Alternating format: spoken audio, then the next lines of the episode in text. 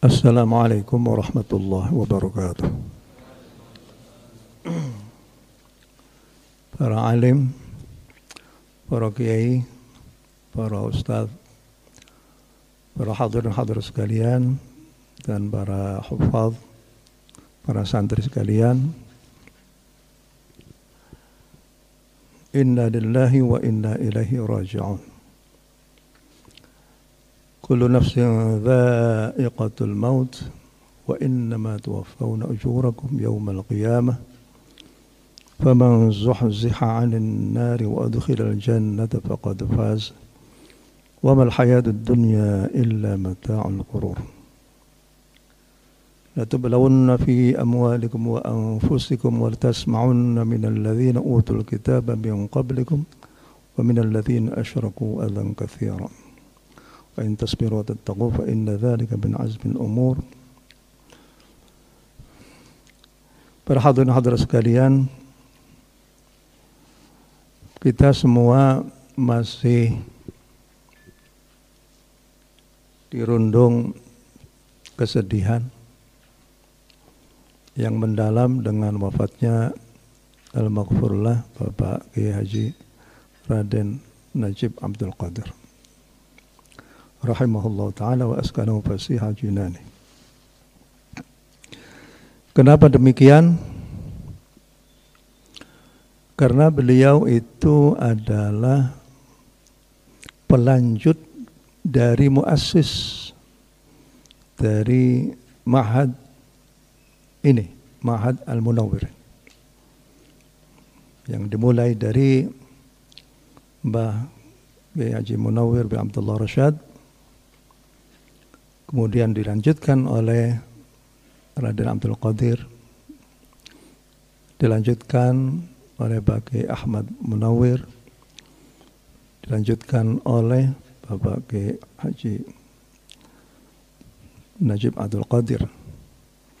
Ini semuanya adalah merupakan rangkaian para pembawa bendera Al-Quran di Indonesia ini semua orang sudah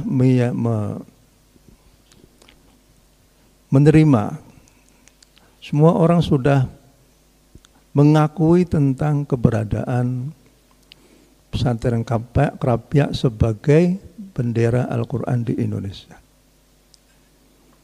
Bahkan sudah ada penelitian dari Lembaga Pentasah Musab Al-Quran, Kementerian Agama, terhadap sosok Mbah Munawir ini.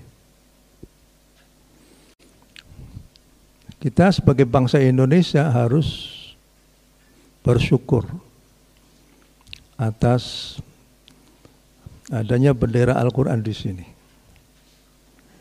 Dan kita tahu bahwa Mbah Munawir itu ulaannya itu ulaakan Al-Quran itu langsung dari Mekah Al-Mukarramah.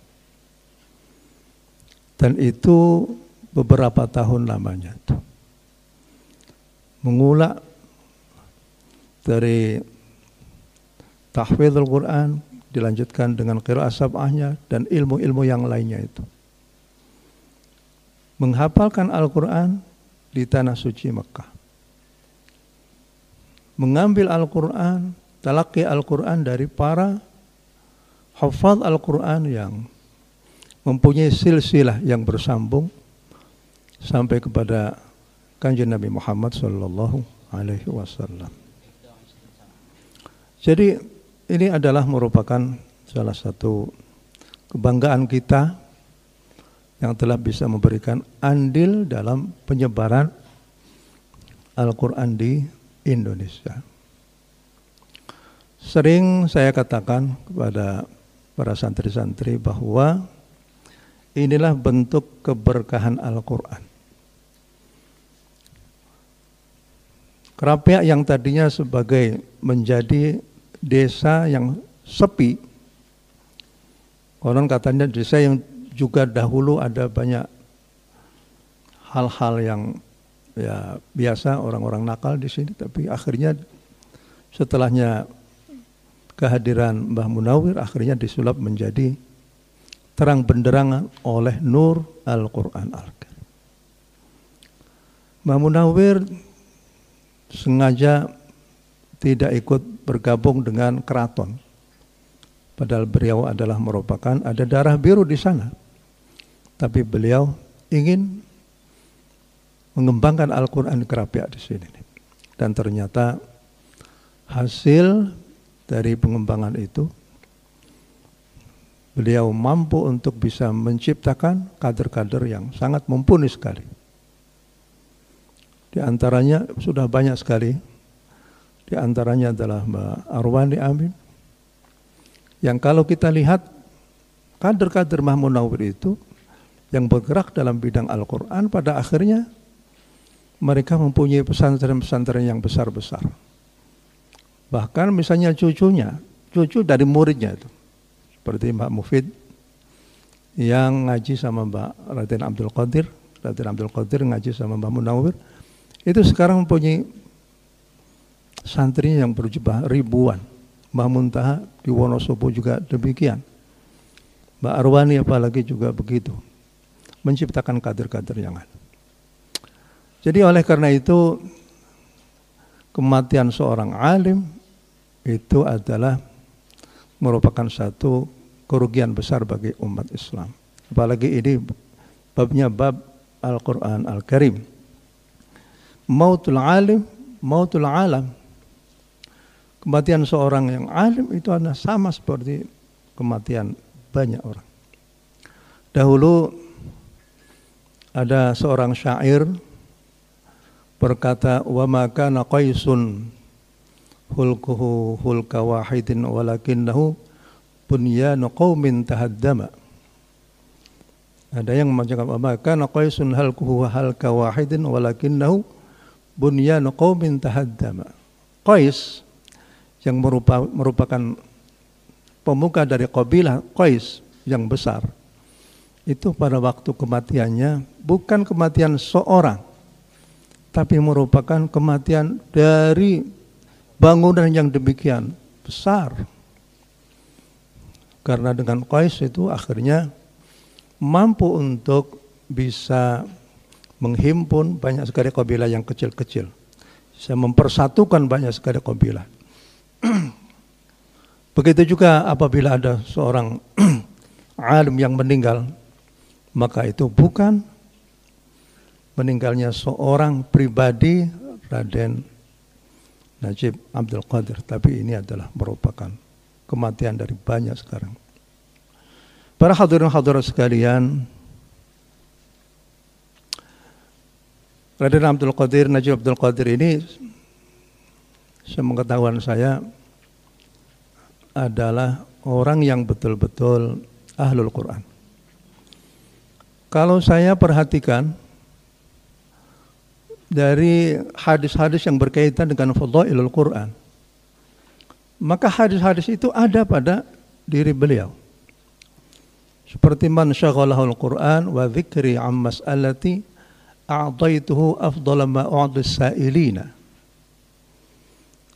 Orang yang disibukkan oleh Al-Quran sehingga dia itu lupa untuk meminta sesuatu dari Allah Subhanahu wa taala, Allah akan memberikan kepadanya sesuatu yang lebih bagus daripada apa yang diminta oleh orang-orang yang meminta itu. Itu saya lihat beliau itu adalah orang yang tiap hari Al-Quran, tiap hari Al-Quran. Saya ngaji sama beliau itu tahun 73 ya. Itu beliau sudah uh, diberi mandat oleh Bapak Kiai Ahmad Munawir rahimahullah itu untuk menjadi guru di komplek L di sana itu. Ujungnya di sini. Saya setor sama beliau itu sampai dari awal sampai akhir surah At-Tawbah Setelahnya itu diserahkan kepada Mbak Ahmad Munawir. Itu adalah merupakan salah satu apa kaderisasi di sini itu. Rupanya Mbah Ahmad Munawir, ya Ahmad Munawir itu juga sudah sudah memberikan taras sama tawas sama fi pada syakhsiat ya, kayak Najib Abdul Qadir sesuatu yang ini masa depannya seperti itu. Sejauh pergaulan saya dengan almarhum beliau itu ya mulai dari kecil dididik dengan suasana Al-Quran. Setelahnya remaja, beliau sudah menjadi guru Al-Quran, mudarris Al-Quran. Dan setelahnya Mbak Kiai Ahmad Munawar sudah tidak ada, beliau terus menerus bayangkan sejak umur berapa sampai berapa. Jadi syabun nasya'a fi ibadatillah. Di dalam sab'atun yudhilluhumullah fi dhillihi yawma la dhilla illa dhilluh. Itu beliau masuk di situ. Syabun nasya'a fi ibadatillah. Syabun nasya'a fil Qur'an ma'al Qur'an al-Karim. Nasya'a ma'al Qur'an al-Karim. Kalau seandainya saya melihat hadis yang lain khairukum man ta'allama al-Qur'an wa 'allamah maka beliau itu adalah orang yang masuk di dalam kategori ta'allama al-Qur'an wa 'allama al-Qur'an al-Karim. Merupakan barometer dari kebaikan seseorang oleh Nabi adalah khairukum man ta'allama al-Qur'an wa 'allama. Kalau kita lihat lagi hadis yang lain innallaha yarfa'u bihadzal kitab aqwaman wa yadh'u bihi akharin. Bahwa Allah itu akan mengangkat derajatnya satu kaum dengan Al-Quran Al-Karim tapi juga Allah Subhanahu wa taala bisa mempurukkan seseorang dengan Al-Quran Al-Karim manakala dia itu menistakan Al-Quran Al-Karim. Kalau saya lihat lagi misalnya di dalam hadis yang lain yuqalu sahibil Quran iqra warqa warattil kama kunta turattilu fid dunya fa inna manzilataka 'inda akhir ayatin taqra'uha ya beliau itu masuk di dalam hadis itu bacalah Bacalah Al-Quran dengan antartil sebagaimana engkau dahulu membaca antartil di, di dunia. Dan manzilahmu, martabatmu di hadapan Allah adalah bersama dengan akhir ayat yang engkau baca. Yang saya ketahui, beliau itu ya namanya tetesan darah Mbah Munawir ya, kecintaannya Al-Quran itu luar biasa. Bahkan yang saya dengar pada waktu masih mondok di Ma Arwani, beliau itu ngelindur, ngerti ngelindur ya? Jadi bangun dari tidur baca Al-Quran. Sampai dipegang-pegang. Coba ngelindurnya sama Al-Quran coba. Bagaimana itu? Al-Quran fi qalbi, fi, fi lahmihi wa jasadihi wa dami itu. Sudah seperti itu. Bismillah. Kalau seandainya saya melihat lagi inna lillahi ta'ala ahlina minan nas. Qalu manhum ya Rasulullah? Hum ahlul Quran, ahlullah wa khassatu. Bahwa Allah itu mempunyai satu keluarga yang dekat ya dari manusia itu. Para sahabat bertanya, siapa itu ya Rasulullah? Hum ahlul Quran. Mereka adalah ahlul Quran al-Karim. Dilihat dari segi kecintaannya seperti seperti begitu. Dan saya melihat beliau itu ya kelihatannya nggak pernah ngomong yang nggak enak sama orang lain. Nggak pernah itu. Kalau seandainya menuju ke situ, belokkan lagi. Beliau tidak ingin memasuki wilayah uh, pribadi orang lain. Itu luar biasa kan. Jadi betul-betul lisannya terjaga, ya, haliahnya itu juga terjaga. Maka itu patut untuk dijadikan uh, panutan bagi kita sekalian khasatan li hafadzatil Qur'an al-Karim, li al-Qur'an al-Karim. Seperti itulah hafiz Al-Quran Al-Karim itu seperti itu. Ya. Jadi beliau betul-betul apa namanya itu memperagakan dirinya sebagai ahlul Quran Al-Karim. Begitu juga kalau seandainya kita mendengarkan satu hadis mangkor Al-Quran wa amila bima fihi ulbisa walidahu tajan yaumal qiyamah.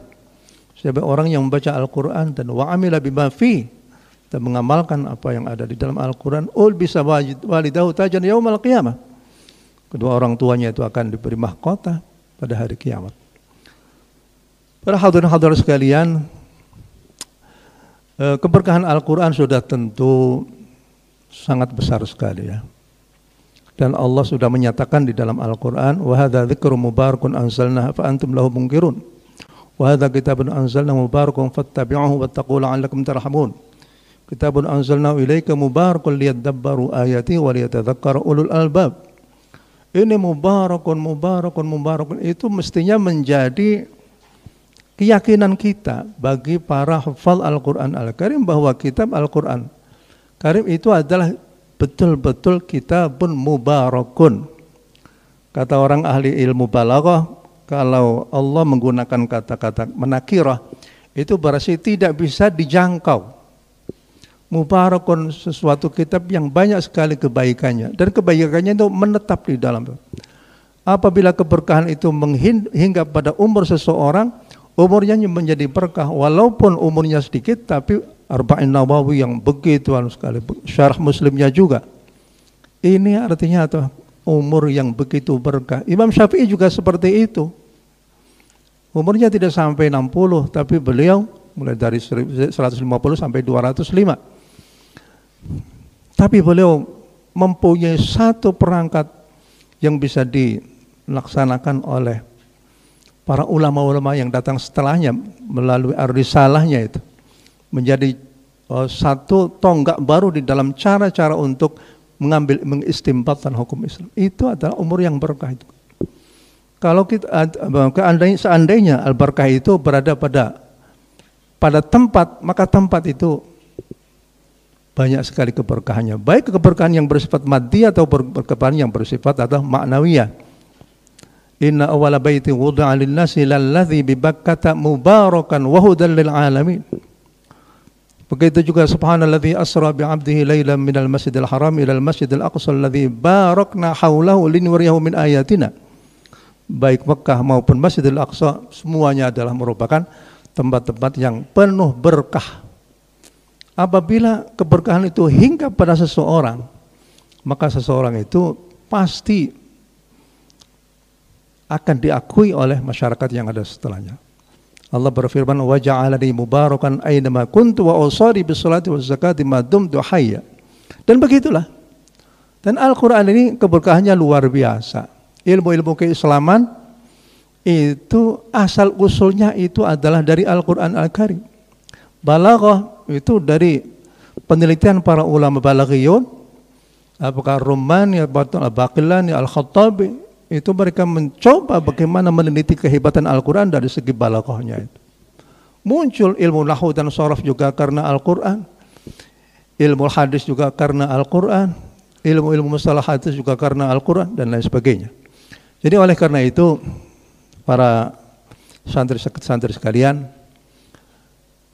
teruskanlah menghafalkan Al-Quran Al-Karim dan kalau seandainya kalian sudah menghafalkan Al-Quran berarti Anda sudah menggenggam satu bongkahan emas. Dan ini adalah merupakan salah satu oh, modal ya. Modal yang besar dalam pengembangan ilmu-ilmu Islam selanjutnya itu. Karena kalau seandainya mau mengambil jurusan syariah, maka Anda sudah menghafalkan 500 ayat hukum. Kalau seandainya Anda ingin melanjutkan dalam bidang ulumul Quran, maka Anda sudah menghafalkan 700 ayat-ayat yang berkaitan dengan ayat kauniyah. Apalagi dengan apa namanya itu ayat-ayat yang lain. Jadi Anda sudah e, mendapatkan satu bahan baku keilmuan Islam yang luar biasa itu. Tinggal bagaimana caranya kita itu melanjutkannya itu. Oleh karena itu saya himbau juga samping uh, menghafalkan Al-Quran Al-Karim, jangan berhenti pada menghafalkan Al-Quran. Itu masih koma. Masih koma. Titiknya belum nanti kapan itu titiknya itu. Kalau seandainya ada yang melanjutkan sampai kiro asab'ah itu juga bagus sekali. Karena kiro asab'ah masih dianggap sebagai ilmu yang masih uh, belum begitu banyak uh, yang yang yang mempelajarinya itu. Apalagi sampai kiro ashrah ya. Jadi ini perlu diperhatikan juga. Begitu juga perlu mempelajari ilmu ar-rasm al-usmani. Perlu mempelajari ilmu dhabt wa syakl. Ilmu mempelajari ilmu al-waqfu wal ibtida. Ilmu tentang tarikh al-mushaf, tarikh al-Quran al-Karim. Sekarang di Kementerian Agama ada lembaga pentasan mushaf Al-Quran Al-Karim itu sangat membutuhkan orang-orang yang piawai dalam bidang tahfidzul Quran agar supaya bisa mentasheh mushaf-mushaf yang akan diterbitkan di Indonesia. Karena mushaf yang akan diterbitkan di Indonesia harus ditasheh terlebih dahulu oleh lajnah pentasah mushaf Al-Quran. Itu yang dibutuhkan itu adalah seperti anda dan sekalian ini, para hafal Al-Quran Al-Karim. Tapi itu tidak uh, tidak cukup ya. Perlu anda mempelajari ilmu rasam Al-Usmani. Pelajarilah ilmu tabiin, kitab At-Tabiin, kitab At-Tanzil, karya Abu Dawud, Abu Dawud Sulaiman Ibnu Najah, anda perlu mempelajari kitab Al-Muqni' karanya Abu Amr Ad-Dani, mempelajari kitab Al-Muqtafa fi Babil Waqfi wal Ibtida, mempelajari itu ilmu qiraat. Oleh karena itu Anda perlu mempelajari Faidul Barakatnya Mbah Arwani, mempelajari juga Syatibiyah, mempelajari Ad-Duratul Mudhiyah, mempelajari juga Thayyibatun Nashr dan lain sebagainya. Itu sangat dibutuhkan. Saya pernah eh, ngobrol-ngobrol, uh, kenapa sih Kementerian Agama ada lembaga pentas mushaf Al-Quran tapi kok tidak bisa mencetak. Tidak ada satu lembaga yang akhirnya bisa mencetak orang-orang yang bisa mentasah Al-Quran Al-Karim. Karena Al-Quran Al-Karim, mushafnya itu, kalau mau ditasah itu kan memerlukan berbagai macam ilmu, ilmu, ilmunya. Mempelajari ilmu adul ay, bagaimana cara menghitung ayat-ayat Al-Quran, bagaimana ilmu qiraat, qiraatul uh, qiraat mutawatir, qiraatul sab'a, qiraatul ashra, Kemudian juga mempelajari Ar-Rasm Utsman, mempelajari Dhabt wa Syakl, mempelajari juga tentang uh, ilmu-ilmu yang lainnya itu. Jadi oleh karena itu saya harapkan para santri-santri sekalian masih tetap di sini. Uh, dengan meninggalnya uh, Pak Kiai Najib tidak berarti bahwa di sini ada kekosongan. Pak Kiai Abdul Hamid itu uh, adik dari itu sudah siap untuk melanjutkan hal ini. Jadi saya ingat uh, ayat yang tadi saya bacakan wa ma Muhammadun illa rasul qad khalat min qablihi rasul. Afa immata aw qutila ala aqabikum. Kalau seandainya Nabi Muhammad memang eh, nabi manusia yang meninggal sebagaimana nabi-nabi yang terdahulu itu juga sudah meninggal apakah dengan meninggalnya Nabi Muhammad kamu akan kembali lagi menjadi orang-orang yang kafir lagi? Ya, berarti masih belum dewasa itu. Begitu juga walaupun Mbak Abdul Qadir, Mbak Majib Abdul Qadir itu sudah tidak lagi bersama kita, tapi kenangan-kenangan manisnya, ahwaliyahnya, haliyahnya, tata keramanya, caranya beliau nggak pernah marah, tidak pernah apa beliau itu. Dan beliau seorang pendidik, seorang hafidh Al-Quran Al-Karim yang bertanggung jawab terhadap kelangsungan Al-Quran Al-Karim. Maka oleh karena itu marilah kita bersama-sama menghidupkan uh, bendera Al-Quran di Kerampia ini sampai kapan pun juga. Karena dengan adanya ini bangsa Indonesia insya Allah akan terus mendapatkan rahmat dari Allah Subhanahu wa taala. Jadi adanya santren Kerampia ini yang bisa meruntuhkan rahmat Allah yang bergelantungan di langit. Karena kata Nabi lagi, majtama qaumun fi baitin min buyutillah yatluna kitab Allah wa yatardasuna fi bainahum illa nazalat alaihim sakinah wa ghasyiyatuhum rahmah wa hafathumul malaika wa dzakarahum Allah fi man indah. Ya di sini tiap hari baca terus baca Al-Qur'an Al-Karim pasti rahmat Allah akan runtuh dan akhirnya mengenai orang-orang yang ada di Kerapia ini dan semua di persada. Saya kira begitu saja yang bisa saya sampaikan. Mohon bermanfaat dan manfaatnya. Wassalamualaikum warahmatullahi wabarakatuh.